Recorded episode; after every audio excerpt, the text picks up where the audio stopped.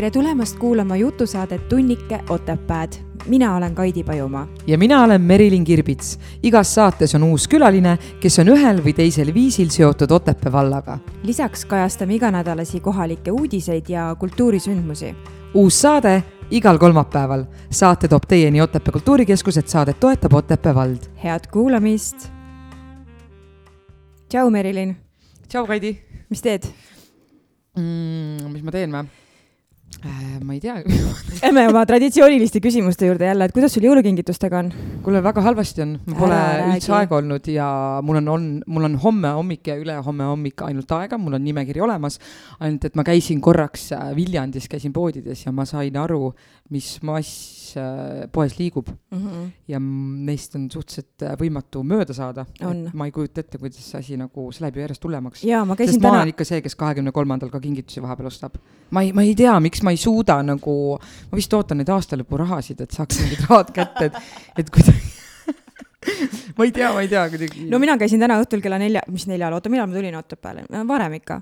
Siis äh, käisin poes piima ostmas, siis oli ka rahvast nii palju, ma läksin, ma suht nagu ärritusin juba, tegelesin oma ärritumisega seal poes nagu, sest no lihtsalt nii palju rahvast ja kõik nagu nii aeglaselt kõnnivad, kõigil on nii palju aega. kusjuures mina teengi vastupidi, ma valmistun vaimselt, kui ma poodi lähen mm, -hmm. ma ei torma, ma võtangi aega, ma tean, et ma pean seal seisma keegi, kes vahib seda mingit äh, vilkuvat jõuluvana, et kas osta või mitte osta, vaata, et sa pead ootama tema taga tükk aega, enne kui sa tast mööda saad, on ju mm. -hmm. sest jumala eest eestlasele ei meeldi, kui sa trügid või kui sa üldse ütled talle vabandust, ma soovin mööda saada või mis iganes mm, -hmm. on ju. et ma olen vaimselt valmistunud selleks, et ma võtan aega ja mul on rahulikult aega, et ma ei pea kiirustama, sest muidu ma lähen üleni tuliseks. mul tekib suur vihahoov. et mitte ainult su juuksed ei põle, vaid üleni keha põleb, jah? jaa, seda nalja ma saan päris saad nagu, jah? ma mõtlesin, ma olen hullult originaalne just, praegu. just eile ma sain, äh, ei üks päev ma sain just, kui ma seisin lõkke ääres, siis ma sain hea nalja, et kuule, et mine veits eemale, muidu sul lähevad juuksed veel punasemaks, kui sul on nagu. kuule, aga suvel oli sinu hüüdnimi Lõke, minul Kaabu ju, nii et äh, sellest ei ole eriti kaua aega ju meeles. aga mul on lõke peas ja kus su Kaabu on? sa nagu kodus Virno. astusid EKRE-st välja või? aga tead, ma tahtsin korra nende jõulukingituste juurde tagasi tulla, et äh, siin esitan küsimuse kuulajatele, meie enne Merksiga just rääkisime, et millised jõulukingituste ostjad teie olete, et mina olen selline, kes teeb nimekirja ja kirjutab taha enam-vähem mingi mõtte, et mida ma sellele inimesele osta tahan. Ja mõni läheb nagu spontaanselt ja lihtsalt hakkab surfama, et mul on tunne, et selle surfamisega läheb palju rohkem aega. et millised teie olete, head kuulajad, kuidas teie jõulukingitusi ostate? Äh, mina kuulajana mina olen selline, et äh, mul on nimekiri olemas, aga aga lõppkokkuvõttes äh, ma ütlen, selle konkreetse asja otsimisega võib tihtipeale rohkem aega minna. nii et ma, või kui ma leian midagi muud, siis ma pigem, ma ei tea, ostan kas või selle asja.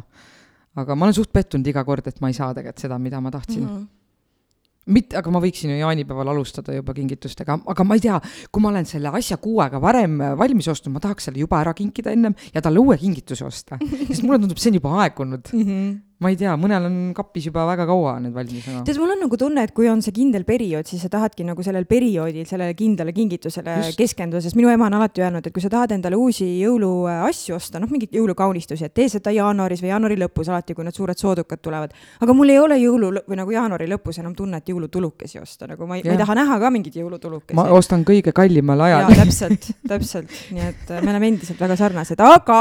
aga enne kui me alustame mm, -hmm. et mhm. kuna me järgmise saate teeme, aastalõpu saate teeme Kaidi sinuga kahekesi, siis äh, võib-olla mõni ei kuula neid uudiseid lõpus või ei viitsi kuulata, mis iganes. et ütlen kohe, et te võite saata meile küsimusi, mis te tahaksite meile esitada näiteks ka mm, -hmm. mida me võiksime aasta lõpus äh,, millele me saaksime kasvõi vastata siis saates või mis iganes. jah, et kui teil on mingeid hästi-hästi personaalseid ja intiimseid küsimusi meile kahele, siis me ootame neid küsimusi äh, tunnikeotepaad.gmail.com aadressile. me ei luba, et me vastame, aga võib-olla oleneb küsimusest, oleneb küsijast jah. aga me ei ole siin stuudios jällegi ainult kahekesi. meil on siin üks väga-väga kaunis daam ootamas võimalust suud lahti teha. ma juhatan ta sisse ja siis äh, saabki kohe sõna teate, kui kolm naist on majas, siis on teada, et meil on juba pikk vestlus olnud enne seda saadet ja, ja meil on väga mõnus meeleolu, nii et aga Kaidi, võta ennast kokku nüüd mm. -hmm. ma proovin mitte vaadata, mis äh, igasuguseid nägusid te siin teete, siis mul on tunduvalt lihtsam, ma ei vaata lihtsalt meie tänane külaline on enda kohta öelnud nii. olen sündinud ja kasvanud Otepääl ning kaasa võtnud talve pealinnast väga ilusaid mälestusi oma eluteele. minu perekond on see Talide perekond, kust olen välja kasvanud ja tänu millele on mu elu tänase päevani tihedalt seotud muusikaga. viimased kümme aastat olen leiba teeninud muusikaga ning hetkel õpin Viljandi Kultuuriakadeemias koolimuusika erialal minu jaoks on Otepää endiselt mu kodu ning ükskõik, kus maailmas olen, hoian ühe silma Otepää tegemistel peal.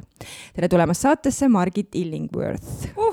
ütlesin õigesti su pealkiri, su pea, su pealkirja või? su pealkiri? minu pealkiri, oota ütle veel korraks, ma vaatan. Illingworth. Illingworth okei okay,, Merks, mul on häbi kutsuda sind oma sõbrannaks aga.... ma ei ole kunagi osanud, ma, ma olen ingliskeelses häälduses väga halb, ma down, downloaders ja vegetables. There is a cat ja nii edasi äh,. Äh, sul, Kaidi, tuli väga ilusasti, sest yes. kõige äh, sellisem, ma ei ütle ebameeldivam, aga kõige sellisem põnevam asi on nüüd oma perekonna nime nagu hääldada telefonitsi mm.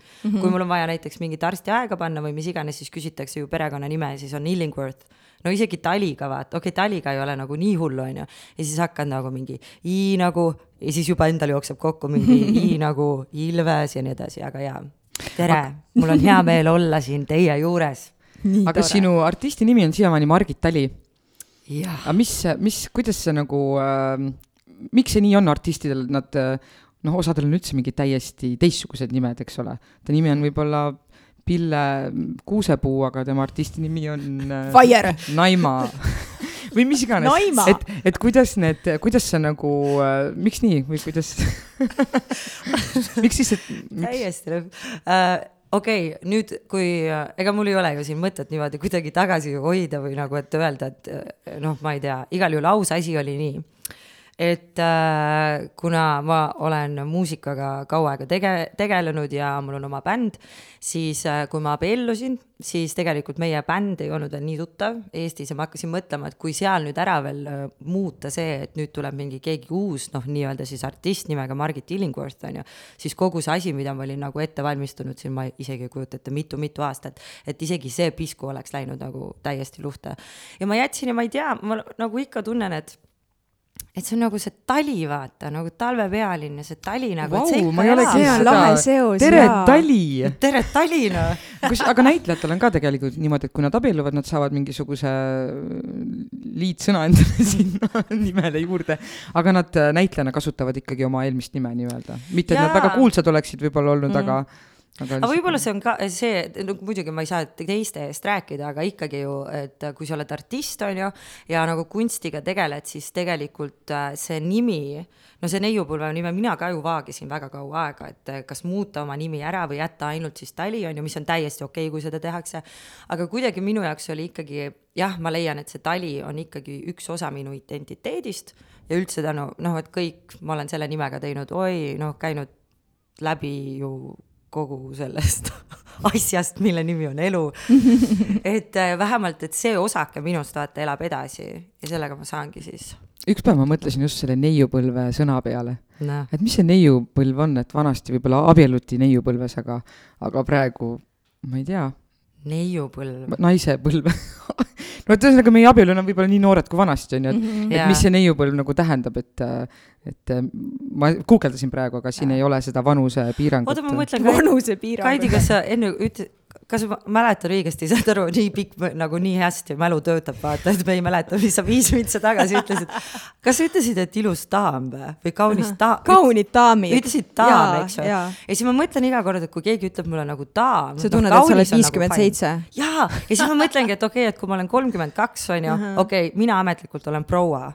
aga ikkagi, kui keegi ütleb mulle proua siis mm -hmm. ma mhm. juba tunnen mingi, et oot-oot-oot-oot-oot mm, -hmm. ja siis mul mingi jah, tegelikult on see õige. tead, see tegelikult tuleb minu meelest siis, kui sa saad äh, kolmkümmend ja üle selle, siis sa avastad, et äh, umbes sellised äh, noh, seitseteist, kaheksateist, üheksateist, kakskümmend noored poisid ja tüdrukud hakkavad sind teietama siis sa nagu tajud seda, et daam ja proua on väga asjakohane nagu. ja minu esimene kogemus selleks, ma sain aru, et ma olen vana nii-öelda, kui ma käisin improga esinemas ja siis äh, me jagame lipikud ja, äh, ja siis inimesed peavad nagu kirjutama sinna peale ja siis, kui ühel lapsel sai lipik valmis, siis ta hõikab tädi, tädi ma mäletan, ma tegin veel suurelt nalja ka, et nüüd ma siis sain aru, et nüüd ma olen siis vana, kui mulle öeldakse tädi. ja mitte sest, et ma olen nagu, mitte oma venna lapsele või, vaid lihtsalt tädi. okei okay,, sellist asja ei ole mul kunagi olnud mm, -hmm. ma võtan jaa, ma, aga ma arvan, et see on tulemas, siin ei ole ju, mida, siin jällegi ma ei saa endale valetada ju, see on ju kohe käes, see, et aga Aga- mina mõtlen seda, vaata, kui lapsed ütlevad, et noh, minul on kaks last, eks ju, ja kui mul tuleb mingi sõbranna külla, siis hästi mitmed sõbrannad nagu ütlevad, et no näed, et tädi mingi mis iganes nimi, vaata, tõi sulle umbes kommi või midagi sellist. ja siis ma mäletan kunagi mu õe ja vennaga nagu rääkisime nendel teemadel, et tegelikult lastel on kindel arv tädisid ja onusid, ehk siis need on nende vanemad õed ja vennad ja ülejäänud, miks ei, miks peaks üldse sinna tädi või onu ette nimetama, minu meelest on see kuskil mingi nõukaaegne pärimus. Aga kusjuures praegu- öelda ühes peres just ma, ma ei mäleta, kes mulle seda rääkis, aga nad püüavad lastele selgeks teha, et sinu tädi on ainult see ük-, Täpselt. kaks inimest ülejäänud on nagu kas nimelised või Mhm. kuidagi, et need ei ole tädid ja see on onud sulle. tõenäoliselt võib-olla see ka, et lihtsalt kuidagi panna need piirid, vaata, et kui ikkagi sina kui noh, vanem naisterahvas ju ikkagi Kaidi on ju daam. et lapsed teaksid noh, et see ongi, et vanem inimene, et siis tuleb nagu see on mingi selline austuse mingi asi on ju, et mm -hmm. siis on, aga no märks hästi tehtud, noh, tõepoolest Margit, sa oled äh, peale selle, et sa õpid praegu Viljandi Kultuuriakadeemias mm. mm,, sa oled, ma saan aru, vabakutseline muusik. -hmm. aga kuidas äh, vabakutseline muusik äh, siis äh, praegusel hetkel, milline on sinu nagu argipäev, ma räägin siis ka sellest jõuluperioodist ja et ma mõtlesin, et sa hakkasid sellest koroona ajast nagu rääkima. jaa, ei, see kindlasti on ka mõjutatud hetkesel mm. -hmm. ajal, teades ise. oo jaa, oo jaa, seda tegelikult hästi paljud küsivad äh,, on küsinud just reedel ka, meil oli üks esinemine ja siis üks meesterahvas siis äh, tuli ja ütles mingi noh, kuidas see bändielu siis on siin nagu koroona ajal, ma ütlesin hullult äge. ta ütles, ma ei usu, et see on äge, mul nagu no tõesti on, onju. aga see vabakutselise muusiku asi, mul, mina nagu lahterdaks siis oma elu praegu kolme tulpa. üks on siis mu ülikooli teine on, ma nüüd ametlikult olen tööl ka kusjuures Kammeri äh, koolis muusikaõpetajana ja siis äh, kolmas on, oota, mis ma ära ütlesin, oota, ülikool. ja kolmas on siis muusika see bändi, bändi asi, eks ju. ja nad on ikkagi mis siis, et see on nagu vabakutselise asi ja tegelikult enamus esinemised on kõik nädalavahetused, siis nädalavahetustel, siis ikkagi tegelikult nädala keskel ma olen nagu hästi, aktiivselt olen sellega seotud, et sest et mina olen see inimene, kes siis äh, ju teeb broneeringut, suhtleb kliendiga kõik algusest otsa nagu lõpuni läbi, seal on hästi palju tegelikult detaile manageerid iseennast. Just. Ja täpselt, et kõik ja algusest lõpuni ja siis ongi nädalavahetustel on siis, kui hästi läheb, siis ei lähe otse ülikoolist, ei lähe otse ülikoolist äh, dressipükstest välja hüpates lavale. aga kui läheb ja siis jah, ja nii aga sa ongi. tegelikult ei olegi vabakutseline siis ju, sa oled ju tegelikult siis täitsa Mm. palgal, sa oled nagu päris tööd teed ju. ja, ja ikka, ikka tõesti päris. no ja seetõttu noh, ainus asi, mis ongi teistsugune, et on, kui arvatakse, et see bändi elu, mis siis on, et sa lähed ju kohale ja siis oled kolm, kolm korda nelikümmend minutit laval ja siis on tehtud, on ju, aga tegelikult ei ole, esiteks see etteplaneerimine juba, mis ju kestab nagu näiteks järgmise, järgmine suvi on meil kõik nädalavahetused on täis, pulma nagu pulma, pulmadeks ära oleme juba broneeritud sõnad. päriselt või? ongi Jaa. nii jah Mhm. Vau. Et see on hea, et inimesed ikka planeerivad pulmi ette. jaa oi, oi hästi, aga kõik ja see eeltöö, aga siis ongi niimoodi, et äh, muusikud ju lähevad tegelikult tihtipeale juba lõuna ajal lähevad mm -hmm. siis paika kohale, panevad oma asjad ülesse, teevad soundcheck'i ehk siis heliproovi ära ja siis hakkab passimine. ja see ei ole nagu see, et mingi, et ah, et juma- noh, nii äge vaata, et sa saad lihtsalt nagu puhata, tegelikult ei ole, sest et sa oled ikkagi alati valmis, sa oled kuskil teises kohas ja sa tead, et sul on nüüd mingi viis-kuus tundi aega, onju. ja siis no muidugi see meelelahutajate asi, et sa lõpetad mingi kuskil kella ühe ajal öösel lõpetad esinemise, kui oled Tallinnas e- esinemas, siis hakkad sealt mingi kahe ajal sõitma, jõuad kuskil viieks koju ja siis järgmine päev uuesti. kusjuures tahtsin öelda, et selle koroona asjaga praegusel hetkel on äh, nii positiivne see, et kõik sündmused lõpevad kell üksteist. ma aga kusjuures, nüüd kuni teise jaanuarini wow. on äh, üle südaöö. ma just äh, jaa, mõtlesin, et muusik või need ähm, nii-öelda keikainimesed siis, keika on siis Altura nii-öelda. Need sündmused kõik, kus esinevad, siis ma just mõtlesin, et vau, et lõpuks ometi muusikud ja kes, artistid, kes just. käivad pidudel esinemas, on inimesed. et saad aru, nad jõuavad õhtul laste juurde võib-olla koju mm, -hmm. kui kell üksteist saab päev läbi, et varem ei olnud seda et tõesti ju hommikuni välja läks see, et ja, ja. mul oli esimest korda tundsin, et vau, et tegelikult miks ei võikski tekkida meil ühiskonnas selline, selline mis asja teeme varem ära, me oleme nagu tervemad, me saame nagu puhata õigel ajal magama minna. no täiesti, sa lähed kell viis, lähed peole, onju, no võib-olla purjutad võib-olla purjutad, võib-olla mitte, on ju. aga tegelikult ongi niimoodi, et sa saad kõik sellesama programmi, kõik asjad saad juba läbi tehtud ja siis ongi kell üksteist koju täi-, minu arvates ka täiesti hästi. no aastavahetus mul on hea meel, et nüüd äh, lükati see kellaaeg üle, sest et see tundus ikka jabur, et kell üksteist lähevad kõik kohad kinni. Moskva aja järgi oleks siis võtnud uue aasta vastu. noh, aga samas jällegi optimist tubli, olekski teinud veidike teistmoodi sel aastal. aga tead, ma olen tahtnud praegu küsida su käest, et äh, sa oled siis äh, oma bändiga esinemas käinud ikkagi kuskil kümme aastat küll juba, on ju? selle äh,, selle konkreetse koosseisuga ja selle bändiga ehk siis Margit Tali bändiga me oleme aktiivselt tegelenud kuus kuus aastat mm. -hmm. enne seda oli siis natukene teine selline džässihõnguline mm, -hmm. džässihõnguline toode meil, aga sellist nagu peo ja pulmabändi staatust oleme kandnud jah kuus aastat, ma usun. nii, ja nüüd ma jõuan oma küsimuse juurde, et. aga see ei olnud, ma jälle ei pannud tähele vaba voog, vaba voog, naised. vaba, vaba, vaba vestlusvoog, et äh, kas sa lähed ikka sama energiaga nagu igale esinemisele peale, mis, millega siis, kui te alles alustasite või kui tihti te oma repertuaari nagu vahetate, et lihtsalt endal oleks nagu huvitav? Äh, see energia poolest, see on alati hea, lavale minnes on alati, äh, mingi asi toimub, noh, tõenäoliselt kõik, kes on nagu laval käinud, et tegelikult ei ole üks, sa noh, võid täiesti, no ma isegi tahtsin korraks öelda sellise veidike koleda sõnaga, ma ei ütle. aga et kui sa tunned ennast hullult halvasti mm, -hmm. nagu halbu päevi on ka, et sa lähed sinna esinemispaika ära ja sa no tõesti tunned, et nüüd on kõik nagu, et noh, mitte midagi nagu, et ei jaksa nagu midagi, aga nii kui on lavale minek, siis miski nagu täiega muutub. laval olles alati on sama energia, mis on üliülitore, mis on aastatega muutunud, on see, et nüüd saab nagu rohkem nautida mm. -hmm. et enne oli sellist võib-olla närveerimist ja ebakindlust, et kas äkki inimestele ei meeldi, äkki keegi läheb ära, äkki inimesed ei plaksuta, äkki inimesed ei kuula, on ju. et nüüd on sellist nagu enesekindlust tekkinud, aga me just äh,, meil on nüüd uus kitarrist, on ju, ansamblis ja siis temaga rääkisime ka, et tema jaoks on nagu repertuaar uus, on ju. ja siis, aga meie oleme juba nagu mitu aastat teinud, et peaks nagu tegema mingisuguse vahetuse, sest tegelikult ah, see on nii spetsiifiline, palun vabandust, aga äh, pulmamuusikud ja peomuusikud on ju tegelikult meie eesmärk ja meie ülesanne on pidudel siis inimesi tantsutada ja inimestel on oluline, et seal kõlaks muusika, millele nad oskavad kaasa laulda mm, -hmm. mida mhm. nad on kuulnud. ehk siis võib-olla kohati mina ei saa laulda selliseid laule või me ei saa teha selliseid lugusid, mis mind otseselt väga tegelikult nagu muusikuna või inimesena kõnetavad mm. -hmm. ja siis ja, ja siis seetõttu ongi tegelikult hea vahepeal leida ja teha muudatusi kavas, et kui leiad mingisuguse sellise laulu siis mõtled, et okei okay., ja see annab jälle, annab nii palju nagu sellist uut energiat, värsket asja, on ju, see on nagu toa ringi tõstmine, et. aga kus sa seda enda niisugust nagu päris oma kutsu-, kutsungit siis saad äh, teostada, et kas need on siis need laulud, mida te salvestate albumitele või et kus sa seda, seda no ennast siis nagu laed, vaata, sa saad vist aru, mis ma mõtlen?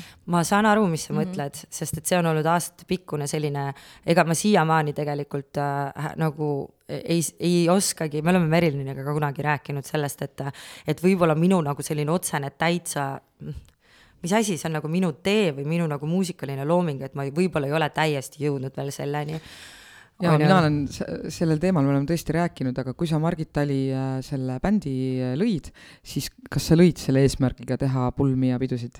ei. sa ju tegelikult tahtsid teha oma muusikat, mis on, mis on tegelikult ju ühe loomingulise inimese ja muusiku enamjaolt nende mm -hmm. eesmärk teha oma mm -hmm. muusikat, mis mind puudutab nagu. jaa, täpselt, ja eks see peo, aga noh, praegusel hetkel ma ei vahetaks seda millegi vastu, sest et see on tõesti, on äge, et ma saan öelda, et minu hobi on ka minu töö, et see pulma ja peobänd ja, aga äh, kusjuures minu nagu kutsumus või selline hetk, kui ma tunnen, et täiesti lõpp, et nagu ma olen midagi kas saavutanud või midagi endast saanud välja anda, on äh, siis, kui ma lastelaule kirjutan. Ja siis oligi see kätepesulaul, mis oli eelmise, siis kui koroona algas, on ju, ja see oli kuidagi nii vahva, et äh, ma nägin, kuidas mu vennalaps pesi käsi, ta oli kolmene vist sel hetkel on ju, noh, lasteaias ju vaata õpetati ju ongi, et ümber sõrme vaata ja peopesad ja nii edasi, käe, nagu käe, käe, kääris kääris kääris käised üles. ja siis sellest tuligi see laul nagu see kätepesulaul ja see on nagu tõesti, kus ma tunnen, et täiesti lõpp, noh, et võib-olla ongi see, et ma ei tea. et mina ise olen ka Margitit ju kõrvalt äh, päris pikalt näinud ja ma lihtsalt näen nagu seda andekuse potentsiaali, mis Margiti hääles on, ma nagu jumaldan su häält ja, ja nagu see ürgenergia, mis ja. sul nagu sellest rahvamuusika perest nii-öelda on mm. kaasa antud, et mitte, et see, mis sa oled teinud, et mulle, mulle meeldib kõik, mis sa teed mm, -hmm. aga ma näen sinus seda potentsiaali, et mul on ka tunne, et sa ei ole nagu päris seda oma pesa nagu leidnud, kus seda oma loomingut nagu kuidagi ja, valla pursata. olen täiesti nõus ja see, see ei ole ilmtingimata ei ole halb asi, sest et see on ikkagi ju, see on ju, kõik on nagu protsess, et ma mõtlengi, et elus mul hästi paljud asjad on tulnud nagu hiljem, et ma olen mingitele arusaamadele jõudnud hiljem, mingi selline suureks kasvamine on võib-olla tulnud hiljem, et siis tõenäoliselt minu selline enda siis loomingu või sellise jah, muu-, muusikalise nagu identiteedi loo- või leidmine, see tuleb ka ja see on sama nagu ennast elus leida, see, et sul üldse mingi eesmärk on Just. või mida, mida, mida kuradit me teeme siin nagu yeah., nagu mida mina tahan.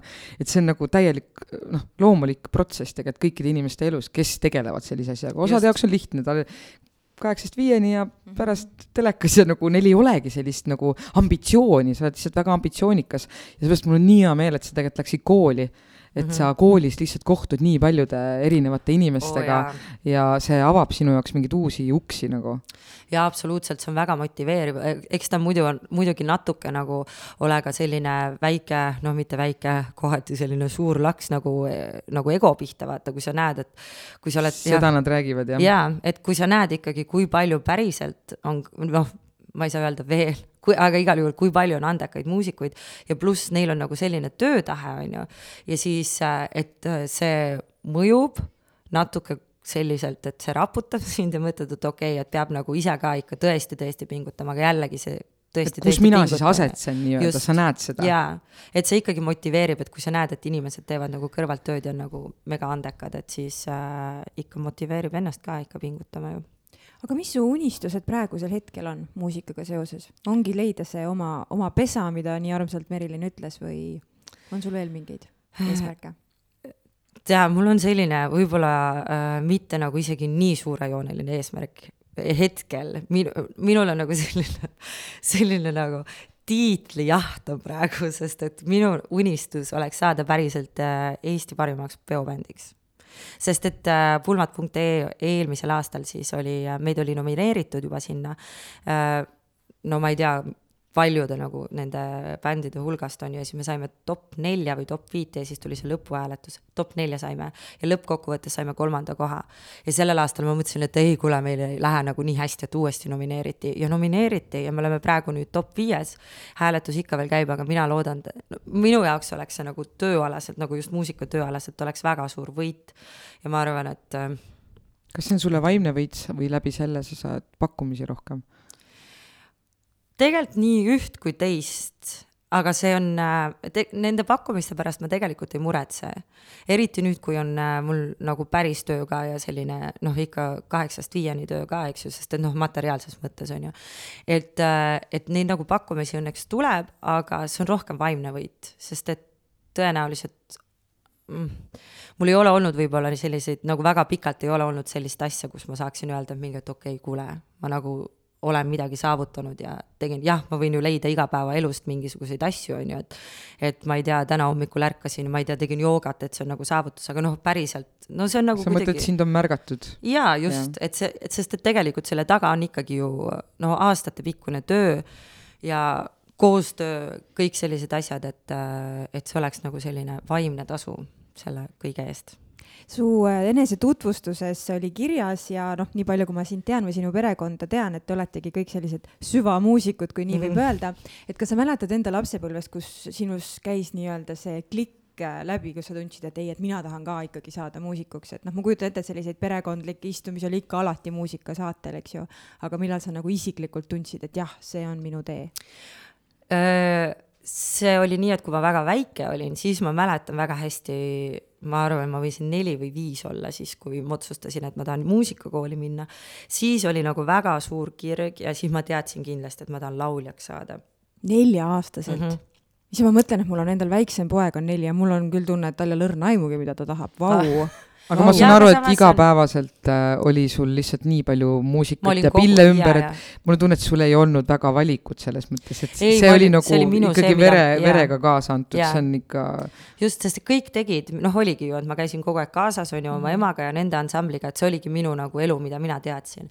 ja siis äh,, siis ma olin nagu täiesti veendunud, et ma tahan lauljaks saada, siis tuli teismeiga, kus tuli mingisugune selline rebellus, on ju, ja siis ma täiesti, noh, minul, mul tuli nii suur plokk nagu laulmise ja muusika ja kõige vastu ja siis äh, see vist võis olla, kui ma olin kakskümmend ja ma töötasin GMP-s Pühajärve restoranis ja siis sinna tuli üks äh, klaverimängija Voova, kes teab, see teab ja siis äh, ta, tema mängis klaverit seal ja siis ma lihtsalt, ma ei tea, kust see tuli isegi, ma ütlesin talle, et kuule, hakkame koos tegema midagi mm. -hmm.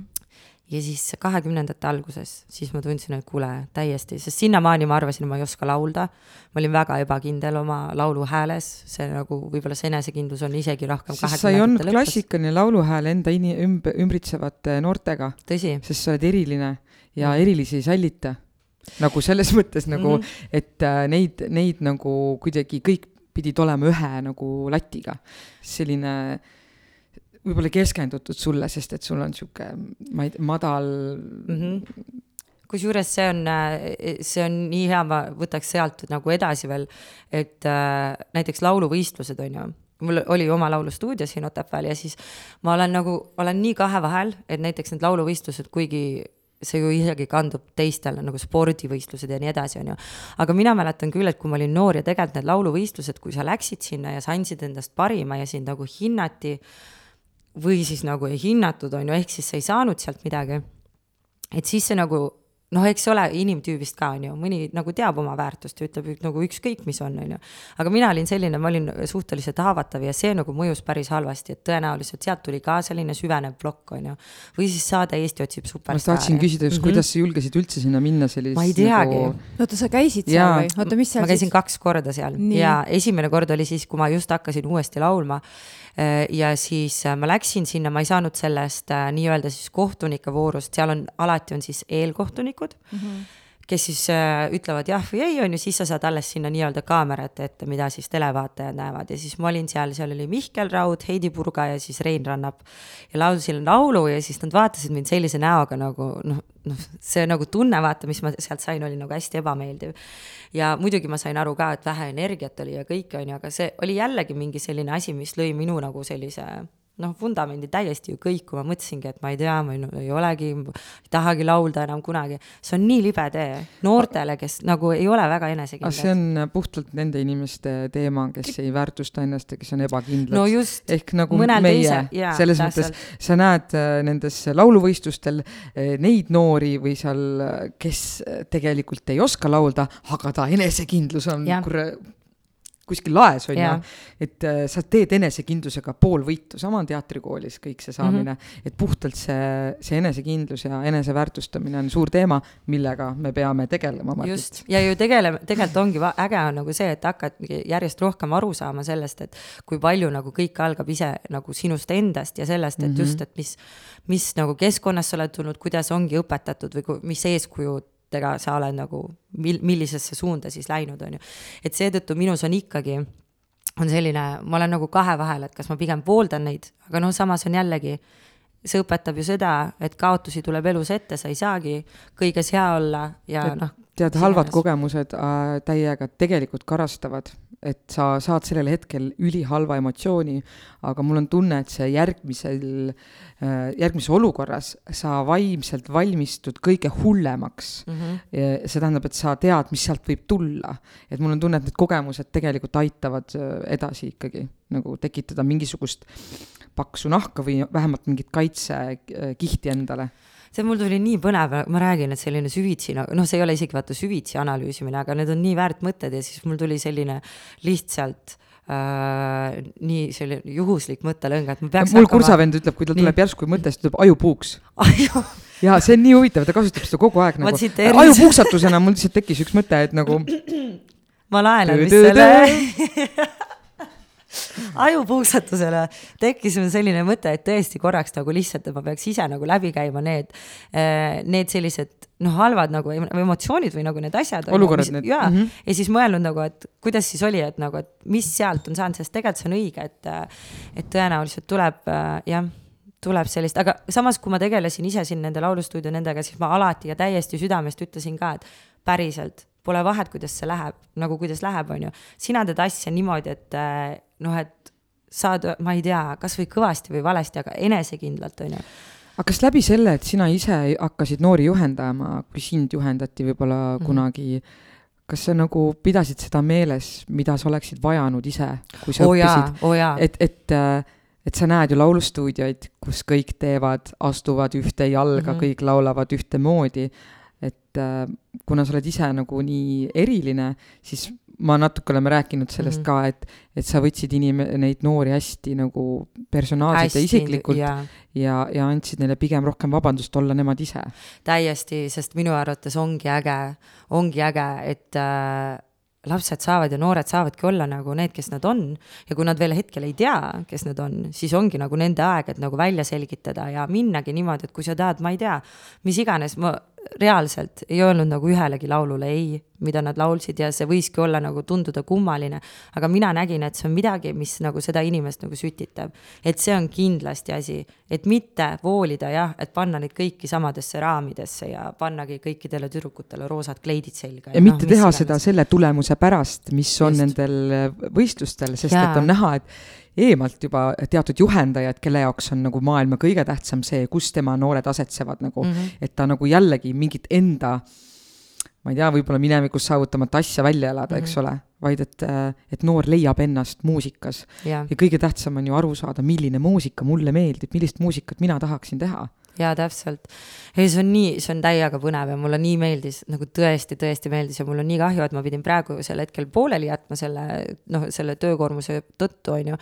aga mulle tõesti meeldis äh, näha ja nagu aru saada tegelikult nagu päriselt ka, kui ägedad on noored. sest et vaata, ma ei tea, mina ikka tunnen, me kindlasti kõik noh, sellised ikka keskealised daamid, nagu me siin oleme, on ju. et tädid, et äh, meie jaoks ju, me, kui me olime noored, siis kogu aeg räägiti ju, et meie kohta vaata, et oh, noored on nii hukas, on ju mm. -hmm. siis me saime vanemaks, on ju, ja siis hakkas tulema ikkagi, et nüüd meist järgmine põlvkond on hukas, on ju, mina ei tea, mina nagu minu kõrvu küll kuulsin, kuul-, nagu tulid sellised asjad.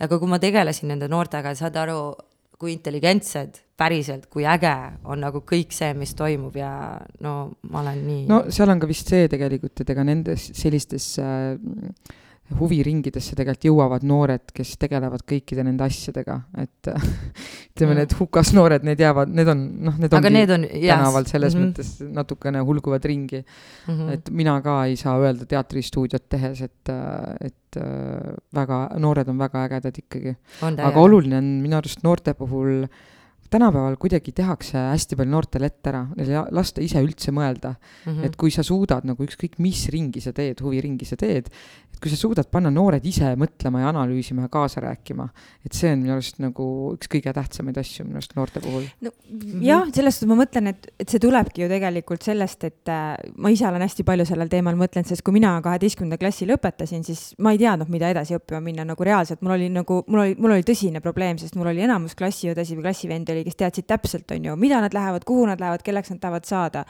aga minul seda nagu ei olnud.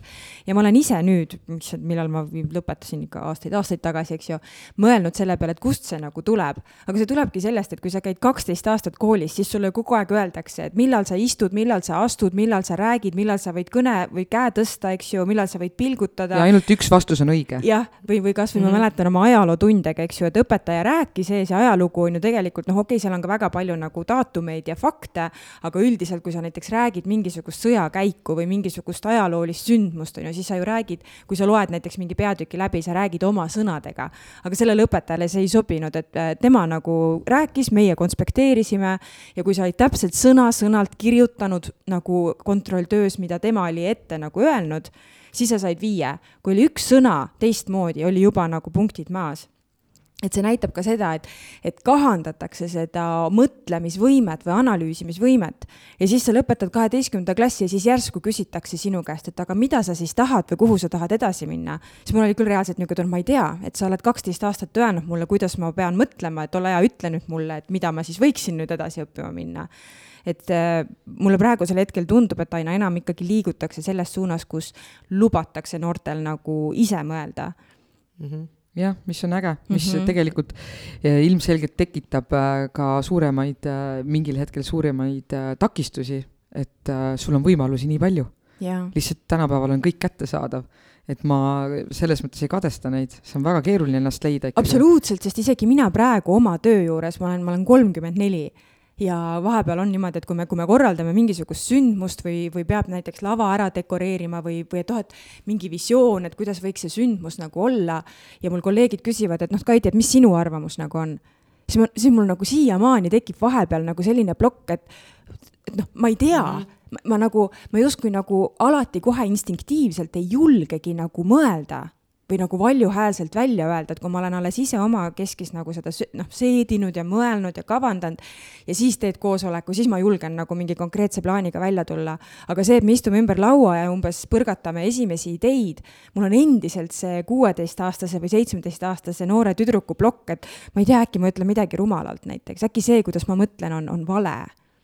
et see on nagu jube õudne minu meelest jah, ja see on see, millega sa pead terve elu tegelema tegelikult. aga Margit, sina oled äh, oma eneseleidmise teel tegelikult äh, teinud väga erinevaid töid. kas sa võid lihtsalt nagu, lihtsalt nagu mainida, et mis sa veel oled teinud nagu? ma tean, et sa oled teeni, teenindussektoris äh, äh, oled olnud. ma olin väga pikalt teenindussektoris, olengi olnud ainult teenindussektoris ja ma olen, äh, kas ma hakkan nimetama mingeid neid töid, mis ma olen teinud või? sa, võid rääkida lihtsalt, mis sa mm. nagu veel sai. jaa, mul oligi niimoodi, et kui äh, noh, koolis äh, igal juhul koolis sellised olid lahkhelid ja sellised väikesed käärid, siis ma läksin. no eneseleidmise tee, see on. jaa, jaa, just, väga ilusasti öeldes, ma oleks sel hetkel ka pidanud ütlema. nii tulekski tegelikult äh, seda nimetada. just. mitte see, et sa olid pätt. jah sest ma ei olnud, sest ma leid-, olin enda otsingul lihtsalt, aga ma otsisin ennast ja ma läksin, ma olin ühesõnaga Pühajärve puvis olin teenindaja. Mis aasta see ähm, oli, sa mäletad või? kaks tuhat äkki oli kaks tuhat seitse, mhm. kaks tuhat kuus, kaks tuhat seitse, ma olin äh, seitsmeteistaastaselt läksin sinna tööle. siis äh, ma olin vahepeal Muraka hotellis, äh, ma olin isegi mingi hetk juhat-, juha-, selle juhataja kohusetäitja. siis ma olin mingis prillipoes olin tööl, siis ma olin GMP-s restoranis, ma olin mingi vahetuse vanem. siis äh, Tartus Werneri kohvikus ma olin teenindusjuht, siis äh, sa oled ka kultuurisündmusi korraldanud? tõsi. või nagu? olen olnud jah, on juhu, jah, on hästi läinud ja me tegime, see, alustasime ju talveöö laulupeoga äh,. ma olin korraldusmeeskonnas äh, mõnel aastal, siis äh,. sa oled alati ma... tagasi oodatud. aitäh ma tean, et sa elasid. viisakalt keeldun sa elasid ka Tallinnas mingi aeg tõsi. ma räägin sellest perioodist. aa, sellepärast, et Merilin teab, kust, kas kaevama hakata. ja ma läksin äh, Otepäält, appikene, kui põnev see on. tegelikult äh, ma otsustasin Otepäält ära kolida et endale ja siis teatud inimestele siis äh, tõestada, et ma saan hakkama sellega, et ma lihtsalt väikelinnast kolin ära Tallinnasse, pealinna. ja mul oli laual kaks tööpakkumist ma ei nimeta neid nimesid, on ju, aga üks oli ühe restorani äh, juhataja positsioon ja teine oli siis sündmusturundusfirmas.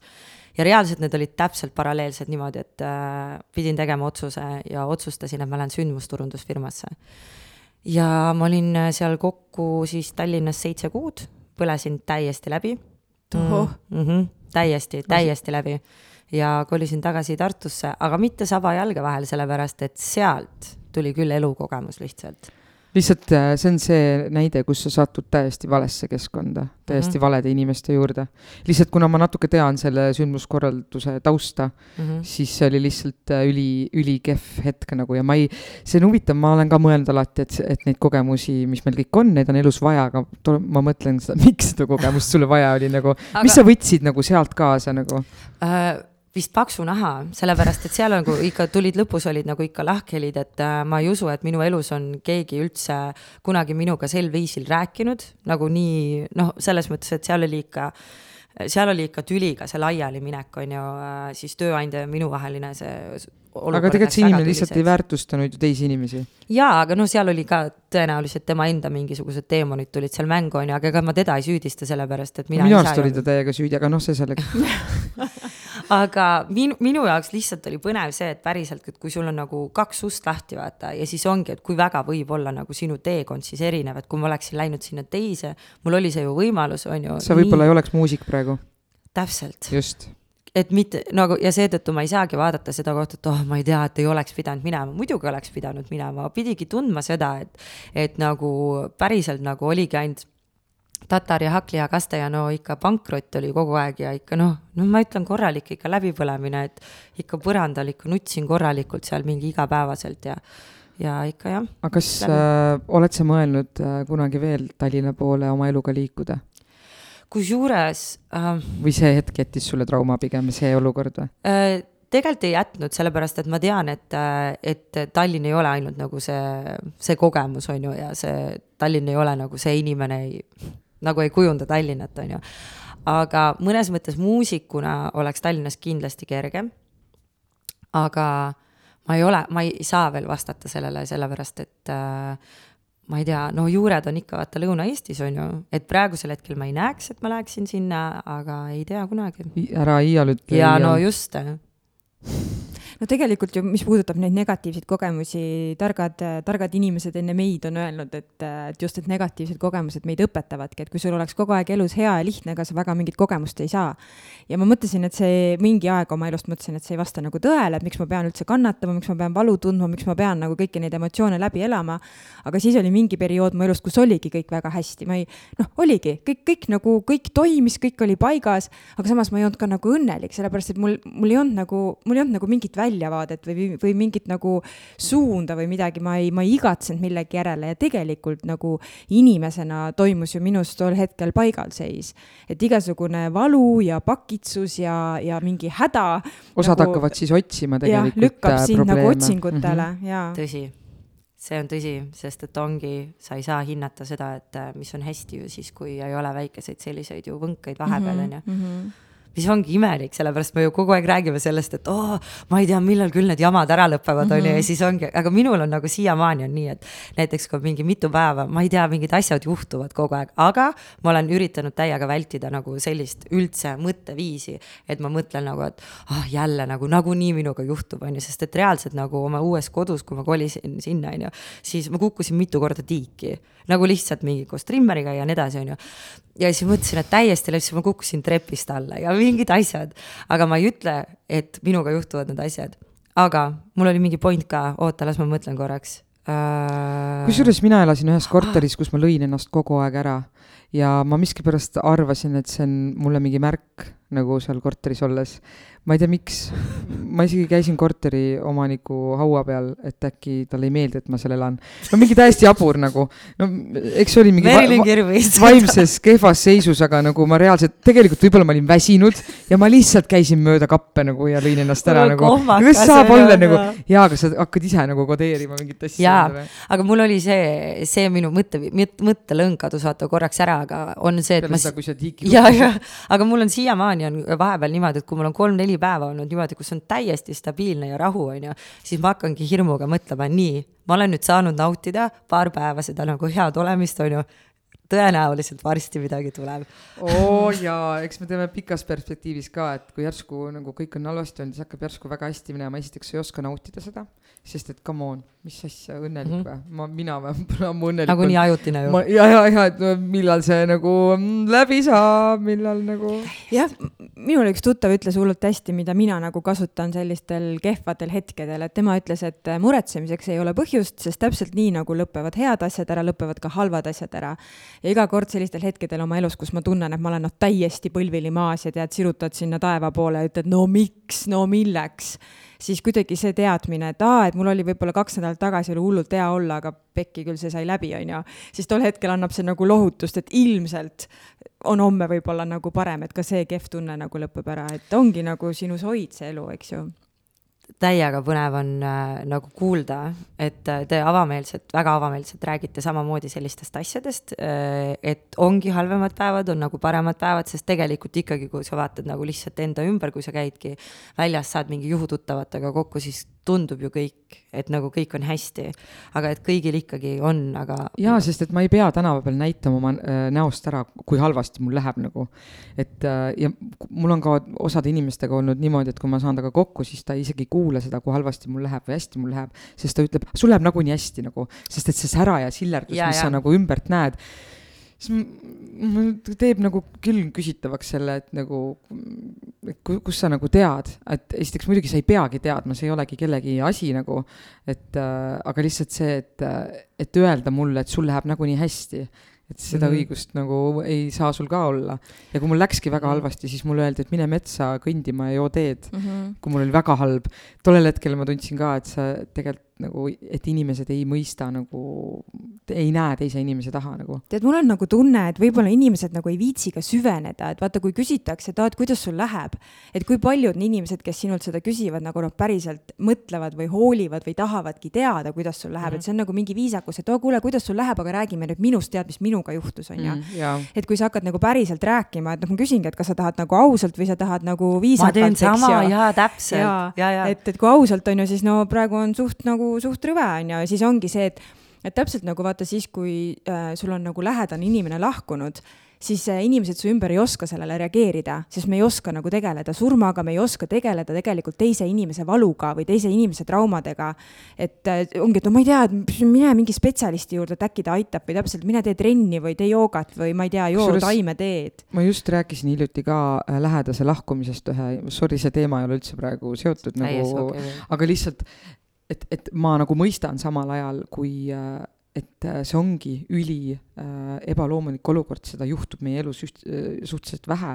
ma ei oska reageerida, ma ei oska midagi öelda, sest sellel hetkel ei ole väga palju sõnu, mida mm -hmm. öelda, aga kõige hullem on see, et kui sa ei reageeri mm, -hmm. kui sa ei tee mitte midagi, ma arvan, et üks kallistus räägib rohkem kui mingisugused tuhat sõna, et oi, mul on kahju mm. -hmm. aga kui sa seda ei tee, siis see näitab seda, et sa ei hooli või ma tean seda, kuidas see teine inimene ennast tunneb, mul lihtsalt on olnud vestlus just hiljuti mm. -hmm. et kui lähedased inimesed ei tee üldse välja, et sest, et nad ei tule ise sellega emotsiooniga toime. täpselt, nad ei oska tegelikult ja. käituda sellistes olukordades ja mina olen oma elus hästi tihti nagu äh, sattunud sellistesse olukordades, kus kus inimesed ei oska lihtsalt käituda ja siis nad jätavad mm nii-öelda käitumata ja meil kujuneb nendest inimestest hoopis vale arvamus välja, sest väga tihti on nagu olnud niimoodi, et äh, kui inimene nagu ei reageeri millelegi, eks ju, või siis näiteks kui äh, on osad inimesed, kellel on näiteks rahe, äh, on raske suhelda ja siis nad a la, kui nad näevad sind tänaval tulemas või mingisuguses asutuses, siis nad nagu ei vaata sulle otsa ja nad ei ütle nagu teregi, aga seal taga ongi tegelikult see tohutu ebakindlus ja oskamatus mm -hmm. nagu suhelda.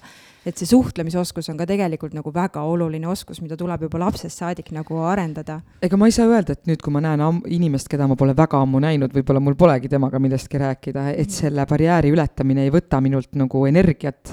ma tunnen ise, et ma pean tegelema sellega, et ma kuidagi olen kuidagi rohkem avatud või huvitatud kuidagi sellel hetkel, et ma tegelen reaalselt sellega, kuid-, et ma ise ei oleks selline nagu mm -hmm. ma näen, mida nagu mulle nagu vastu tuleb. aga minul oli see, et peale isa surma mina sain aru sellest, et tegelikult paljud in-, nagu ikkagi väga palju inimesi oli mu ümber ja ma saan, aga see oligi minu, minu jaoks täiesti esmakordne, et oligi noh, nii lähedase inimese surm ja minul aitas kõige rohkem oligi see, et kui minu sõbrad ja lähedased ütlesid, et kui sul on vaja lihtsalt kasvõi et ma olen sinuga samas ruumis, et, et noh, et ma olen sinu jaoks olemas. ja siis peale seda oli nagu nüüd, kui on minu nagu sõprusringkonnas on keegi oma lähedase kaotanud, siis ma nagu olen lihtsalt samamoodi käitunud. et lihtsalt küsin vahepeal, et kuidas sul on, et kas sul on midagi vaja, aga et ma olen olemas, on ju, sest et tegelikult ongi, et sellel hetkel sa ei saa mitte midagi teha. kuule, aga kui me läheme rõõmsamate teemade peale, siis ma vahepeal teen. kas keegi on sündinud või? aa, ei teagi, kuidas, mina ei oska sellele. Jeesus Kristus hakkab varsti sündima või? On või? ja oi, ei, tahtsin halba nalja teha. aga mina teen vahepeal niimoodi, nii nagu mit, mõnes mõttes nagu, nagu ah, ma ei saa öelda nagu meelega, see oleks nagu pahatahtlik, onju. aga kui keegi küsib ja siis mul on tõesti hästi, onju, siis ta küsib, et kuidas sul läheb, siis mul mingi hullult hästi läheb.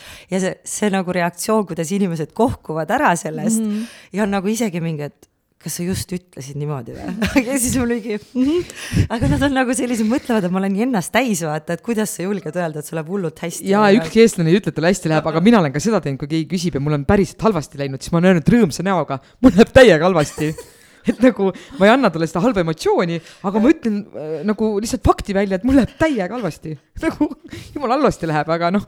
ja kuidas siis reageeritud on samamoodi punnitavad silmi ja täpselt aru ei saa nagu, et mm, -hmm. et kas ma nagu. teed nalja või mitte? jaa, nad ei oska, nad ei tule toime jällegi sellega mm, -hmm. et kui keegi ütleb, et tal läheb halvasti, siis ta peaks ju küsima vestlust yeah. jätkama mm -hmm. ja küsima, miks miks mm? -hmm. Oh, ei, oi, hullult kahju, aga kuule, tead, tegelikult hullult hea, et ma sind kinni püüdsin, ma tahtsin sinuga seda rääkida, onju. ja, mhm. ja neid äh, selliseid äh, pealiskaudseid lauseid on päris palju, et sa näed, et inimesel ei ole päris äh, soovi teada saada, mis seal taga on nagu aga huvitav, kas siis peaks ära jätma nagu selle siis nagu. vestluse või? ei aga siis ongi see küsimus, vaata. või siis ongi, küsidki, et kas sa tahad ausalt teada või viisakat mm -hmm. vastust, et ma võin yeah. ütelda ka, et mul läheb hästi, eks ju, aga kui sa tahad ausalt, siis ma ei tea, võib-olla teeme ühe kohvi või tee ja ma räägin sulle, kuidas mul päriselt läheb mm. -hmm aga võib-olla ongi see hea, kui meil ei olegi vaata nii palju selliseid inimesi, sest vaata, ühelt poolt on see, et okei okay,, et kui sa räägid kellelegi äh, nii detailselt, mis päriselt su elus toimub, siis, siis sa annad mõnes mõttes osa vastutust selle inimese kanda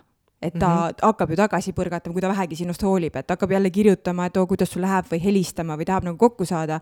et kas sul reaalselt on nagu aega ja energiat ennast nagu jagada veel ühe inimesega oma elus ja mina olen nagu seda tundnud. nii et tihtipeale ma ütlengi, et ei, mul läheb hullult hästi või no mitte päris nii, aga noh, hästi. või siis teine on see, et siis, kui äh, sa hakkad jagama, vaata, siis see tähendab seda ka, et sa ju järjest järgimööda käid kogu aeg sedasama nagu asja läbi, mis mm -hmm. nagu mhm. sulle valu tekitab ja siis sa kisud üles nagu need asjad, on ju. mis nagu kohati on ju hea, et, et eh, ongi, et mitte vältida neid asju, aga kuigi le leina puhul on tegelikult see hea, kui inimesed kui tegelikult küsivad, mhm. sest sa tegelikult hoiad neid emotsioone endas, sa oled tugev, aga kui keegi küsib, siis sa tegelikult äh, kaotad seal, noh ja mis ongi hea, keha peabki selle trauma endast välja elama ju läbi nutmise ja, ja kõige selle. mina olin ka väga üllatunud tegelikult, et kui palju ma rääkisin nagu väga detailselt suutsin nagu rääkida ja mulle isegi tundus, et see aitas mind, et see oligi nagu minu jaoks noh, no mitte ainult minu jaoks, see ongi nagu väga traagiline on ju kogemus, aga just, et rääkidagi detailselt kõik asjad, vaata. et äh, tegelikult väga paljud inimesed tõenäoliselt suudaksid haiguslood ära rääkida ja see kuidagi nagu aitab ja siis täna ma olin koolis äh, tööl ja siis äh, lapsed hakkasid küsima minu mingi, noh, mu pere kohta, on ju. ja siis küsisid isa kohta, siis ma ütlesin, et mul nagu, et minu isa nagu on surnud, on ju. aga mis siis juhtus, on ju, ja siis ma lihtsalt nagu põgusalt rääkisin ja siis küsisid ka, mis haiglas ja mis, mis, noh.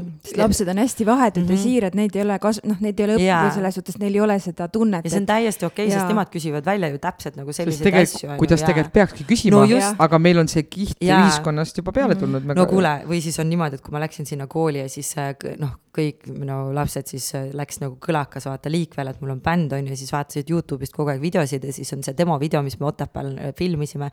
ja siis äh, no mingi hullud lunisid ja siis ühe tunni lõpus äh, panin selle käima ja siis üks poiss ütles esimese asjana, sa oled nii paks seal ja siis mulle nagu, aga ma päriselt võtsin omaks, sest ma olingi nagu kümme kilo raskem, vaata isegi kui praegu, siis mul mingi olin jah mhm. no mitte paks, aga ma olin nagu lihtsalt suurem seal, aga see on nii äge aga samas. see on, see on täiesti teine teema, et äh, paksus ja et see, see, et laps ütleb seda mm, -hmm. see on juba see tulnud sellest, et äh,, et mei-, meid on kuidagi kasvatatud, et mm -hmm. ühed on paksud ja teised on peenikesed. tead ja..., ma ei ole siinkohal nagu päris nõus sinuga, sellepärast et ma käisin, see on vist mingi paar kuud tagasi, ma käisin oma poistega, käisin vee, veekeskuses ja suurem poiss oli omaette riietusruumis, aga noh, nelja-aastane oli minuga kaasas ja seal oli noh, tõesti ikka väga tugevalt ülekaalus naisterahvas, noh, ma arvan, et ilmselt võis tal nagu mingisugune haigus olla, noh ikka, ikka kõvasti-kõvasti nagu.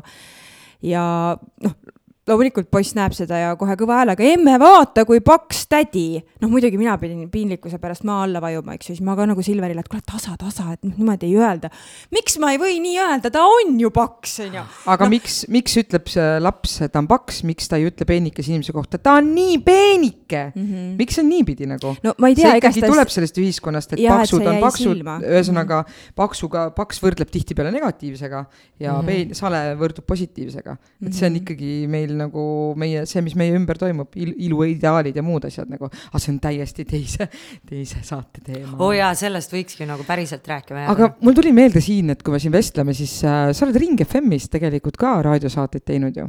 räägi sellest kogemusest. see oli üliäge, see oli päriselt nii äge, ma läksin asendama sinna, no eelnevalt oli niimoodi, et me juba teadsime nagu ringi selle seltskonnaga nagu üksteist, sest ma käisin mitu korda oma neid singleid seal tutvustamas ja siis äh, hommikuprogrammi saatejuht äh, äh, appi, anna andeks, mul läks täiesti ta nimi, igal juhul naisterahvas oh, ta läks puhkama ja siis kutsus mind sinna ja no ta oh,, aga esimese saate tegime temaga koos, ma läksin äh, kell pool kuus hommikul läksin stuudiosse, ma olin palavikus, ma ei saanud, see oli enne koroonat veel.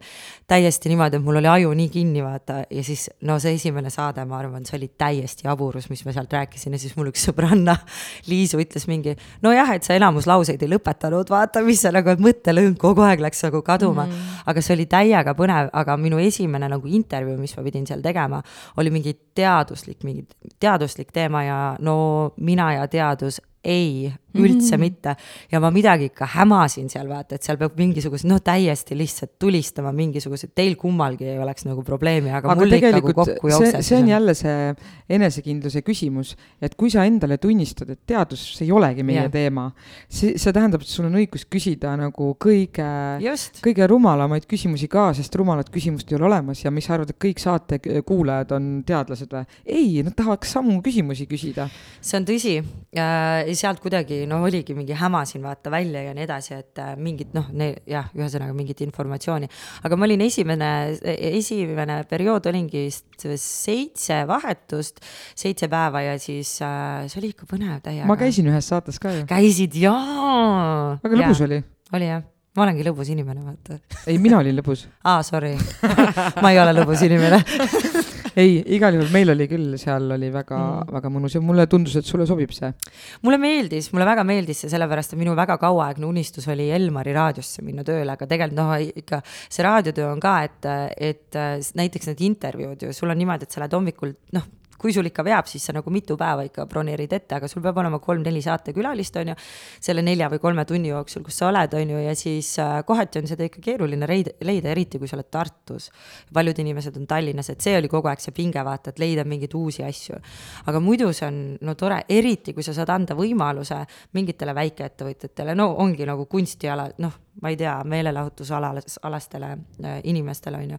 et äh, see on väga vahva, ägedaid neid äh, inimesi ikka nägin ja no ulme, mingi see päikeseauto mingi projekt, kui see tuli, ma mõtlesin, aa okei okay,, elan samas linnas selliste inimestega ise nagu ei oska, ma ei tea, autot tankida, noh. mul on ka tunne, et sellised isegi siin olles ja noh, vaadates neid inimeste pilte, kes meil siit saatest on ka läbi käinud või siit saate, ma ei tea, kas saade, saade, saade on hea öelda, saade, kas see on telesaade, ei raadiosaade, okei okay,, vahet pole, saade, see on ka huvitav sõna, ma pean seda guugeldama pärast. Väga tiib, noh. ühesõnaga, et, et mul on tunne, et, et selline kogemus, nagu meie siit saame, siis rikastab meid rohkem, kui mina, ma tunnen, et ma saan rohkem, kui ma annan. et ma saan nagu teada hulga rohkem kui nagu. jaa, aga see on võib-olla jällegi seesama nagu, millest me rääkisime, mitte isegi põgusalt, vaid päris kaua, on see, et kuidas on selline nagu pealiskaudne suhtlemine üleüldse, sest et tegelikult ju kõik need inimesed, kes siin sa-, saates, mina küll ütleksin, et see on saade, on käinud, siis ma ju äh, tean neid kõiki vähemalt nägupidi, aga kui sa hakkad kuulama nagu süvitsi ja noh, mis päriselt inimesel mm -hmm. öelda on ja mis elu nad on elanud, siis sa saad aru, et ongi, et kõigil on nagu täiesti lõpp, noh, oma tee, omad asjad ja see on hästi äge et see nagu avardab minu meelest, seetõttu ongi äge, et Otepääl tehakse seda, sest siin nägupidi teavad kõik mm, -hmm. aga mhm. tegelikult nagu päriselt ju paljudest inimestest sa ei tea. kas sa näed kuidagi oma tulevikku ka seotud Otepääga kuidagi? jaa, kindlasti, no ma ütlen, et ma ei saa, ma ei saa Otepääst lahti, aga kõige paremas mõttes. ja Otepää ei saa minust lahti, kõige paremas mõttes, ma loodan. Äh, jaa, no sest et ju mu pere ikkagi on siin ja siin Otepääl, mina ei tea, mul on ikka tunne, et see see nagu ei lähe mitte kuskile, et ükskõik, kuhu ma nagu koliksin, siis ma ikkagi nagu uhkusega ütlen, et ma olen ikka otepäällane, vaata mm. -hmm. noh, et ikka kodu on Otepääl ja tead, tegelikult on see nii põnev ka, et kui oled ikka ükskõik põhimõtteliselt, kus linnas, siis on nagu see, vaata uhke, uhke tunne nagu, et kui ütled, et oled Otepäält, aa ah, okei okay., kõik teavad. sellest väiksest kohast tegelikult. seda küll, aga just see ka, et inimesed teavad, vaata, et meil on nagu nii palju, mille üle uhke olla. mulle meeldib ka natuke öelda seda, et mm -hmm. see on ikkagi muidugi sellised äh, poliitilised äh, nagu draamad on päris palju need, mis Otepäält välja paistavad, et vahest inimesed, kui ma ütlen Otepäält, siis nad küsivad nagu selle kohta tegelikult. et see võib-olla ei ole kõige seda. positiivsem selles mm. -hmm. mõttes, mis mulle ei meeldi vahepeal öelda, kui on eriti mingi olukord on nagu õhus. aga muidu mulle meeldib küll öelda, et ma olen väikelinnast, aga ma olen siin ja mm. -hmm. tegelen asjadega, mis mulle meeldivad ja ja see on väga tore, see on äh, jah, täiega, ongi nagu väike selline eksklusiivne kogukond meil ju siin. Tegelikult ma olen nagu veidikene kade teie peale ka, et te saate seda öelda, et see ongi asi, mida ütelda uhkusega, sest äh, ma mäletan, et see oli võib-olla mingi mõni aasta tagasi, kui me oma õega rääkisime üsna- morbiidsel teemal, et kui me ükskord ära sureme, et kuhu me tahaks, et meid maetaks. ja mina nagu leidsin selle, et äh, noh, tema teadis kindlasti, et tema tahab nagu Võrumaale, sest äh, mu emapoolne suguvõsa on kõik Võrumaalt pärit ja tema nagu veetis vanaema-vanaisa juures hästi, noh, enamus oma lapsepõlve suvesid, nad käisid seal tihti. ta on must üksteist aastat vanem. ja tol hetkel olid nagu vanavanemad nooremad, kui nad nii-öelda minu lapsepõlves olid. ja, ja tema ütles, et tema tahab nagu raudselt sinna, kus on meie vanavanemad nagu maetud. ja siis ma tundsin, et aga ma, ma nagu ma ei kogegi seda, et mul kuskil oleks juured, sest see minu lapsepõlvekodu, see on ühes väikeses nii-öelda nagu asulas, on ju Tartu linna lähedal või noh, mis lähedal, seitsmeteistkümne kilomeetri kaugusel Räpina maantee ääres. et seal ei olnud nagu sellist kogukonda, kellega ma oleks niimoodi suhelnud, noh, ja ma ei tea, seal ei ole ka surnuaeda, vaata. et ühesõnaga ma, ma tunnen ennast seotult nagu selle konkre-, konkreetse majaga, selle konkreetse koduga, oma vanematega, aga mitte nagu selle piirkonnaga. ja praegu jah, ma olen viimased kaheksa aastat nagu Elvas elanud aga ma ei tunne ka, et otseselt, et noh, et Elva linn, et see on minu, et noh, see on minu, see on minu kodu, kodulinn. et kui ongi nagu see hetk, kus, kus mu, kus minu aeg siin maa peal saab täis, siis ma ausalt öelda ei teagi nagu, kuhu, kuhu ma peaks minema. jäta meie hoolde. tead, mina olen mõelnud seda, et äh, võib-olla selleks ajaks, kui meie hakkame teisele poole liikuma, siis võib-olla on reeglid muutunud, no kes ütles, et me peame ühte, ühte kokku aeda olema maetud, nagu miks me ei või oma koduaias olla või ühesõnaga võib-olla on, ma olen lihtsalt mina- mõelnud selle peale, et miks see süsteem on kuidagi niimoodi loodud, ajaloos ilmselt väga nõrk on ju, et ma mõtlen, et kõik see on normaalne, aga tegelikult mida pekki, nagu ma tahan, et äkki ma oleks maetud enda maakodusse metsa äärde nagu, miks ei või vanad Mhm. traditsioonid tagasi tulla mingil hetkel mm. -hmm. mulle meeldis Kihnu surnuaed, ta oli hästi ilus, ta oli niisugune gaasiku all ja kõik see. sa ei saa sinna minna või? No ma mõtlesingi selle peale, et noh, et see on küll natuke kaugel, aga äkki teete ära, vaata. paadiga aerutamine on no problem. ei, ei sinna isegi jah, ei, ja noh, tore.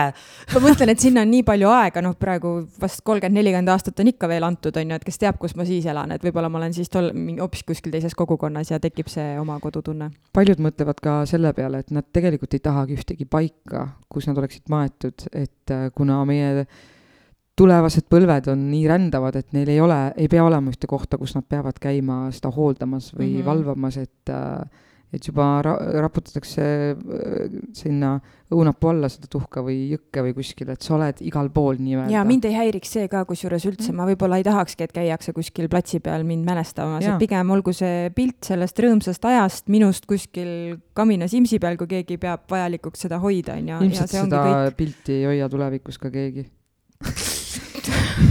lihtsalt mis ma selle peale Ja selle- vastata oskan selle peale praegu? vastan mina, ütlen seda, et kui kellelgi on veel äh, välja prinditud pilte kodus minul on, mul on isegi albumi ja kui sul on pilte. vanu pilte esivanematest, siis äh, kui keegi veel mäletab, jumala eest, kirjutage taha aastaarvud ja inimeste nimed. kui ma vaatan oma äh, vanaema mingisuguseid albumeid, asju, kuule, kui, kui mul ei ole kellegi käest küsida nagu ja mitte keegi enam ei tea, mida ma teen selle pildiga, aga kui seal on kirjas nimi, aastaarv, koht, siis on seda huvitav vaadata. teate, minul on äh, sellesama teemaga, mina olen nii tänulik ja mul on ikka väga hästi läinud, sest et mu ema on teinud aastatepikkused nagu selle suguvõsa vaata uuringud. tema on täitsa, jaa, täiesti niimoodi, võiks öelda teadlane. ja, ja just, ta on täiesti noh, kõik läbi nagu seal on kõik nimelised, kus elasid, kõik sellised asjad. kui ta ei oleks seda teinud, siis ongi nagu see, et jällegi mina nagu ehk siis juba mitmes põlvkond peale nagu neid inimesi, kellest on teinud selle, mul samamoodi. Sul ei oleks neid kontakte? mitte midagi Jaa. ei oleks, ma Sest- päriselt ei teaks isegi, kust alustada, et ta on Sest nagu tõesti. väga paljudel on see, et nad enam ei teagi Mm -mm. et sa ei tunne ju mingis vanuses huvi ja siis, kui sa hakkad huvi tundma, siis on Mhm. tegelikult hilja ja sa ei tea oma, just. juba oma vanaema elust mitte midagi.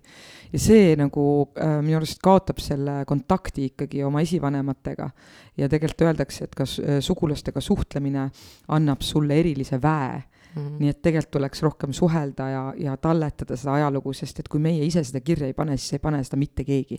tõsi, ja see on ka, meil on äh, suguvõsas on vähemalt, äh, on see hea, et meil on hästi palju videomaterjali ja lind, nagu neid raadiosaateid ja kõiki asju, sest et sellest ju suguvõsast äh, tehti, on mitu filmi teinud, tehti mitu filmi tehtud, dokumentaalfilmi ja näiteks mina oma vanevanemaid ainult olengi näinud videolindilt, sest et nad äh, igal juhul ma päriselt ei ole neid näinud ja siis see on väga eriline mälestus, et kõike ei saa öelda, sest et noh, ma ei tea. aga miks nendest on tehtud saateid, räägi siis, et mis äh, see ongi see suur suguvõsa orkester, mis kahekümnendatel algas, minu vanaema ja vanaisa siis said kokku, hakkasid pilli mängima, sündisid lapsed, nemad hakkasid pilli mängima ja siis oli pereorkester, millest kasvaski nagu nii suur traditsioon nagu suguvõsa traditsioon, et kõik lapsed, kes juurde tulid, abikaasad, kõik hakkasid mängima ja siis äh, ikka popp-bänd oli see Rait Salude suguvõsa orkester ja siis tehtigi perekonna orkestrist äh, dokumentaalfilm ja erinevaid lõputul hulgal raadiosaateid.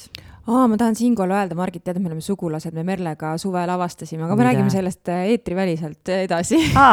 just Raidsalus. see on mingi saladus või Merilin tahab ka kogemata kellegi abiellunud või väga põnev, ma räägin, no siin ei ole ikkagi see mm, -hmm. see ei ole juhuslik, et sa siia Otepääle tulid. muidu neid..., Kaidi, millist äh, rahvapilli sa mängid? ega noh, suupilli piripilli mängima võib-olla on ju hästi.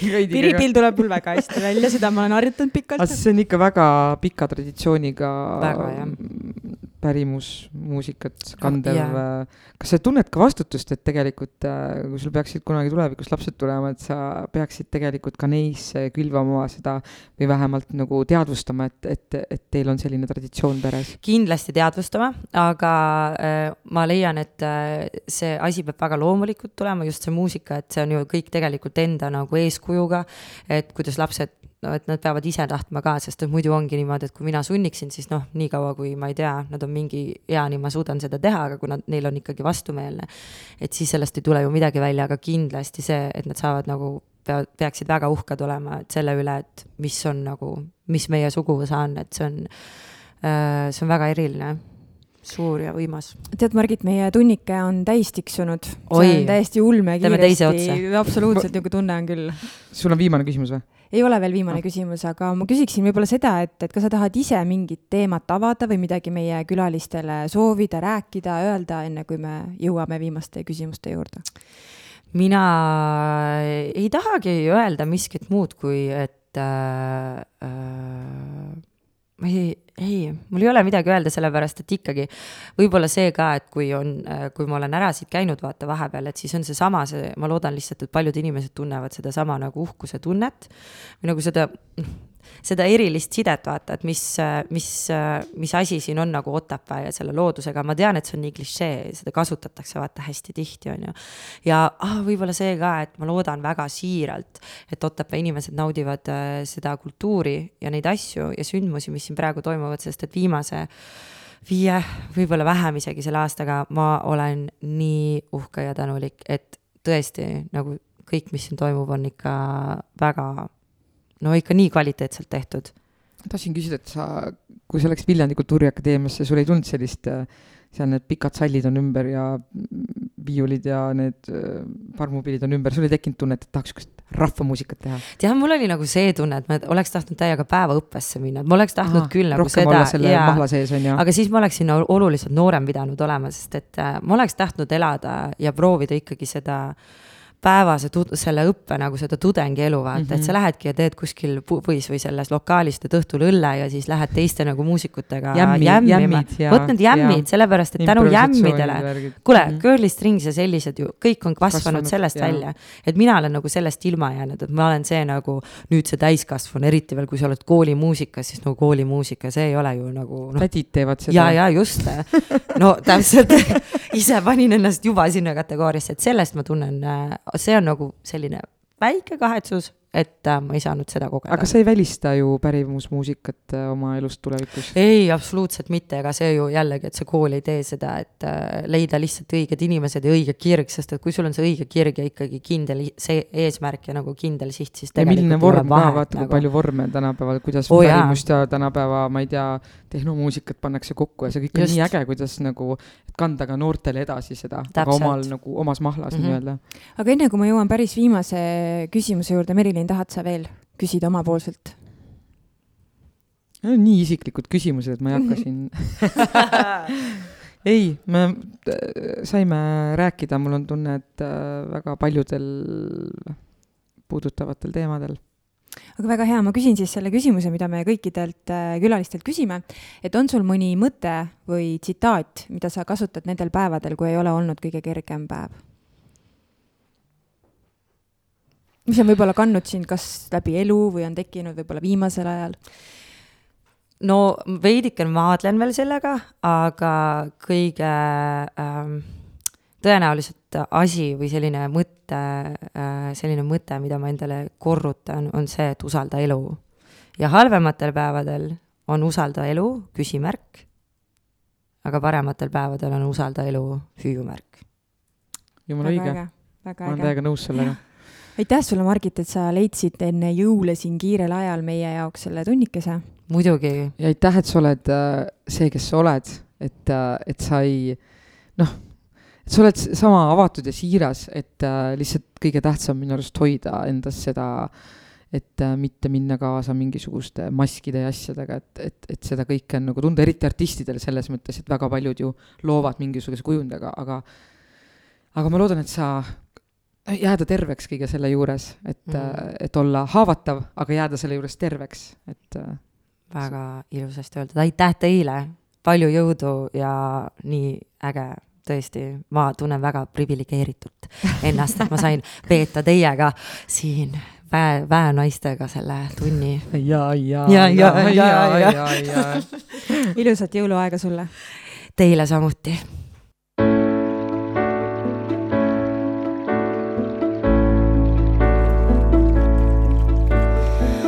üks asi, mida tuleb teha iga päev. mitu korda päeva jooksul puhtaks teen ma käed. koju jõudes tuppa tulles vannituppa sean. kiirelt käib see pesukäsi pesema ma pean keera käised ülessa, lase vesi voolama, tee käed kokku seebivahuga.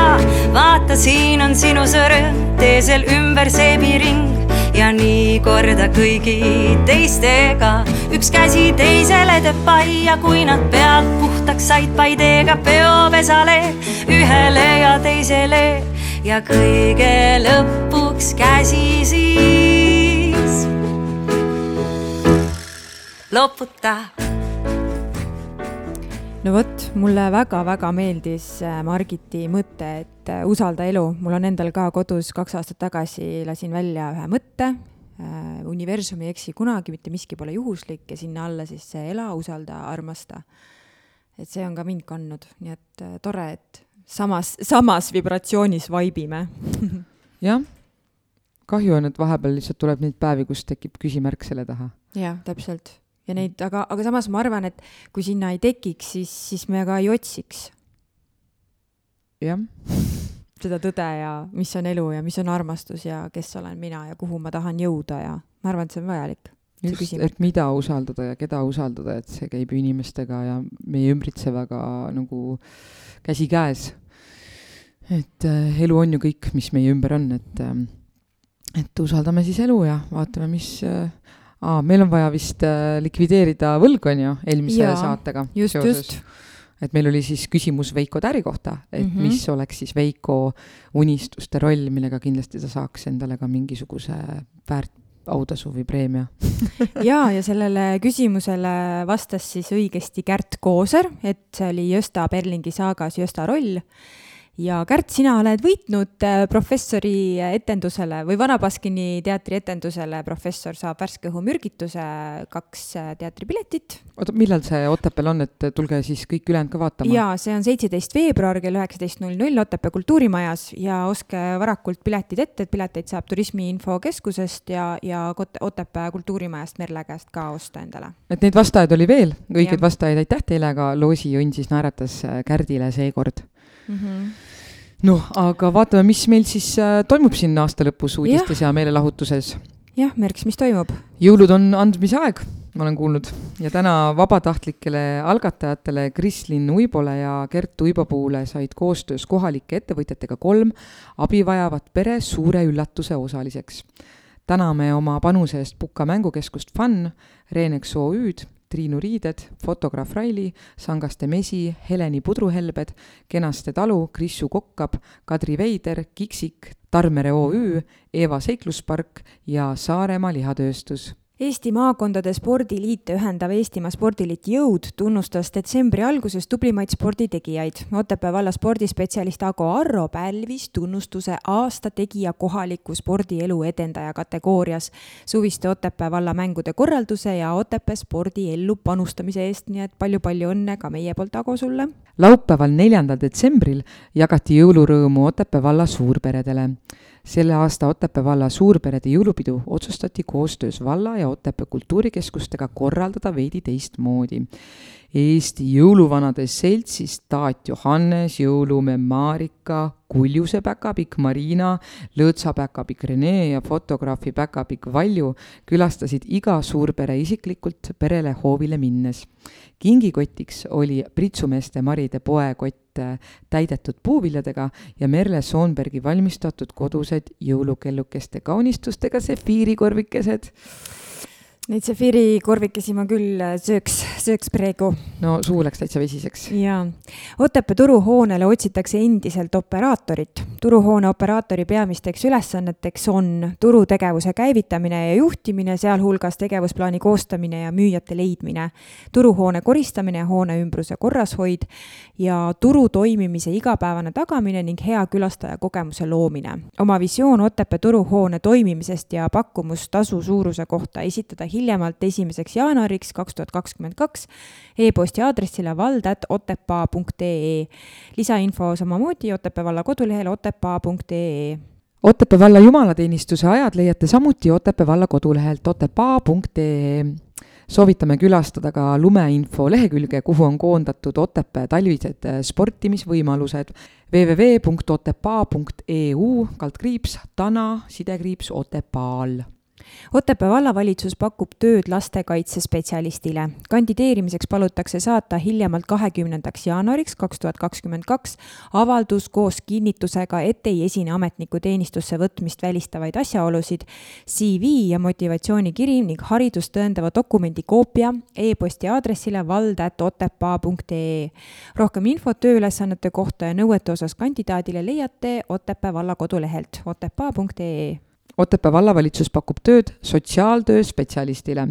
kandideerimiseks palutakse saata hiljemalt äh, kahekümnendaks jaanuariks kaks tuhat kakskümmend kaks avaldus koos kinnitusega, et ei esine ametniku teenistusse võtmist välistavaid asjaolusid CV ja motivatsioonikiri ning haridust tõendava dokumendi koopia e-posti aadressile vald.otepaa.ee. rohkem infot tööülesannete kohta ja nõuete osas kandidaadile leiad Otepää valla kodulehelt otepaa.ee ja mis siis meil kultuurivaldkonnas siin enne jõule toimub? Tänasel päeval oleneb muidugi, mis kell te seda saadet kuulate, aga täna, kakskümmend kaks detsember kell üks toimub jõululõuna Kuigatsi külamajas, korraldab Kuigatsi külaselts täna, kahekümne teisel detsembril kell viisteist null null kuni üheksateist null null toimub Geeni põhikooli võimlas energiapidu noortele. peaesineja on AG, see on Otepää avatud noortekeskuse ja Geeni põhikooli koostööprojekt noorte vaimse tervise toetamiseks kahekümne neljandast kuni kahekümne kuuenda detsembrini toimuvad Otepää valla kirikutes jumalateenistused. täpsem info Otepää valla kodulehelt otepaa.ee ja sealt Otepää kultuuri- ja spordisündmused, sealt saate siis täpsema info, mis kell ja millises kirikus jumalateenistus toimub kahekümne seitsmendal detsembril Kuigatsi külamajas kell kaheksateist null null toimub maskide valmistamise ja saali dekoreerimise töötuba. juhendaja Katrin Uhvert korraldab Kuigatsi külaselts. lisainfo Kaia Tamm telefonil viis kuus kuus kuus kaks viis üheksa seitse kahekümne kaheksandal detsembril toimub Sangaste kultuurimajas kell kuusteist null null jõulukontsert Aegumatud jõululaulud. musitseerivad Kärt Kooser ja Rene Raidsalu. kontsert on tasuta. lisainfo Marina Pulver, telefon viis kolm null null kaheksa kaks kaks kuus kolmekümnendal detsembril toimub Kuigatsi külamajas kell kaheksateist null null kuni kakskümmend kolm null null aasta lõpu maskipall. tantsuks mängivad Anti ja Marko, sissepääs kümme eurot, vajalik etteregistreerimine. Ja saate registreerida siis, kui helistate Mare Visnapuule numbril viis kolm neli null kaheksa kaks üheksa kaheksa, korraldab Kuigatsi külaselts nii et äh, kui jõulude ajal äh, on kõhud täis söödud ja perega piisavalt äh, koos oldud, siis on küll sündmusi, millest osa võtta. jaa, aga kui teil on tunne, et tahate hoogu juba maha tõmmata, võite ka mõnusasti lihtsalt villased sokid jalga visata ahju ette või teleka ette või kamina ette, teki alla ennast soet-, poetada ja, ja lihtsalt puhata. jah, et ma arvan, just, et ma arvan, et, et nüüd see aasta lõpp on küll õige aeg ilma igasuguste süümepiinadeta lihtsalt puhata ja logeleda, et õppida ka logelemist, sest paljudel inimestel on oskamatus logeleda jaa, see on päris keeruline mm. -hmm. ja kindlasti, kui te ei saa oma pere juures viibida või siis ma ei, helistage, et praegu on kõik võimalused olemas, et, et helistage ja soovige ilusaid soove jah, aga meie soovime omalt poolt ilusat jõuluaega. kohtume siis enne veel aasta lõppu. jah, siis oleme Merksiga kahekesi, eks, eks näis, mis sealt välja koorub. saatke siis küsimusi meile ka. ja, ja küsige meilt, siis on meil endal ka põnevam olgu, tiliseb, tiliseb aisakell. tšauki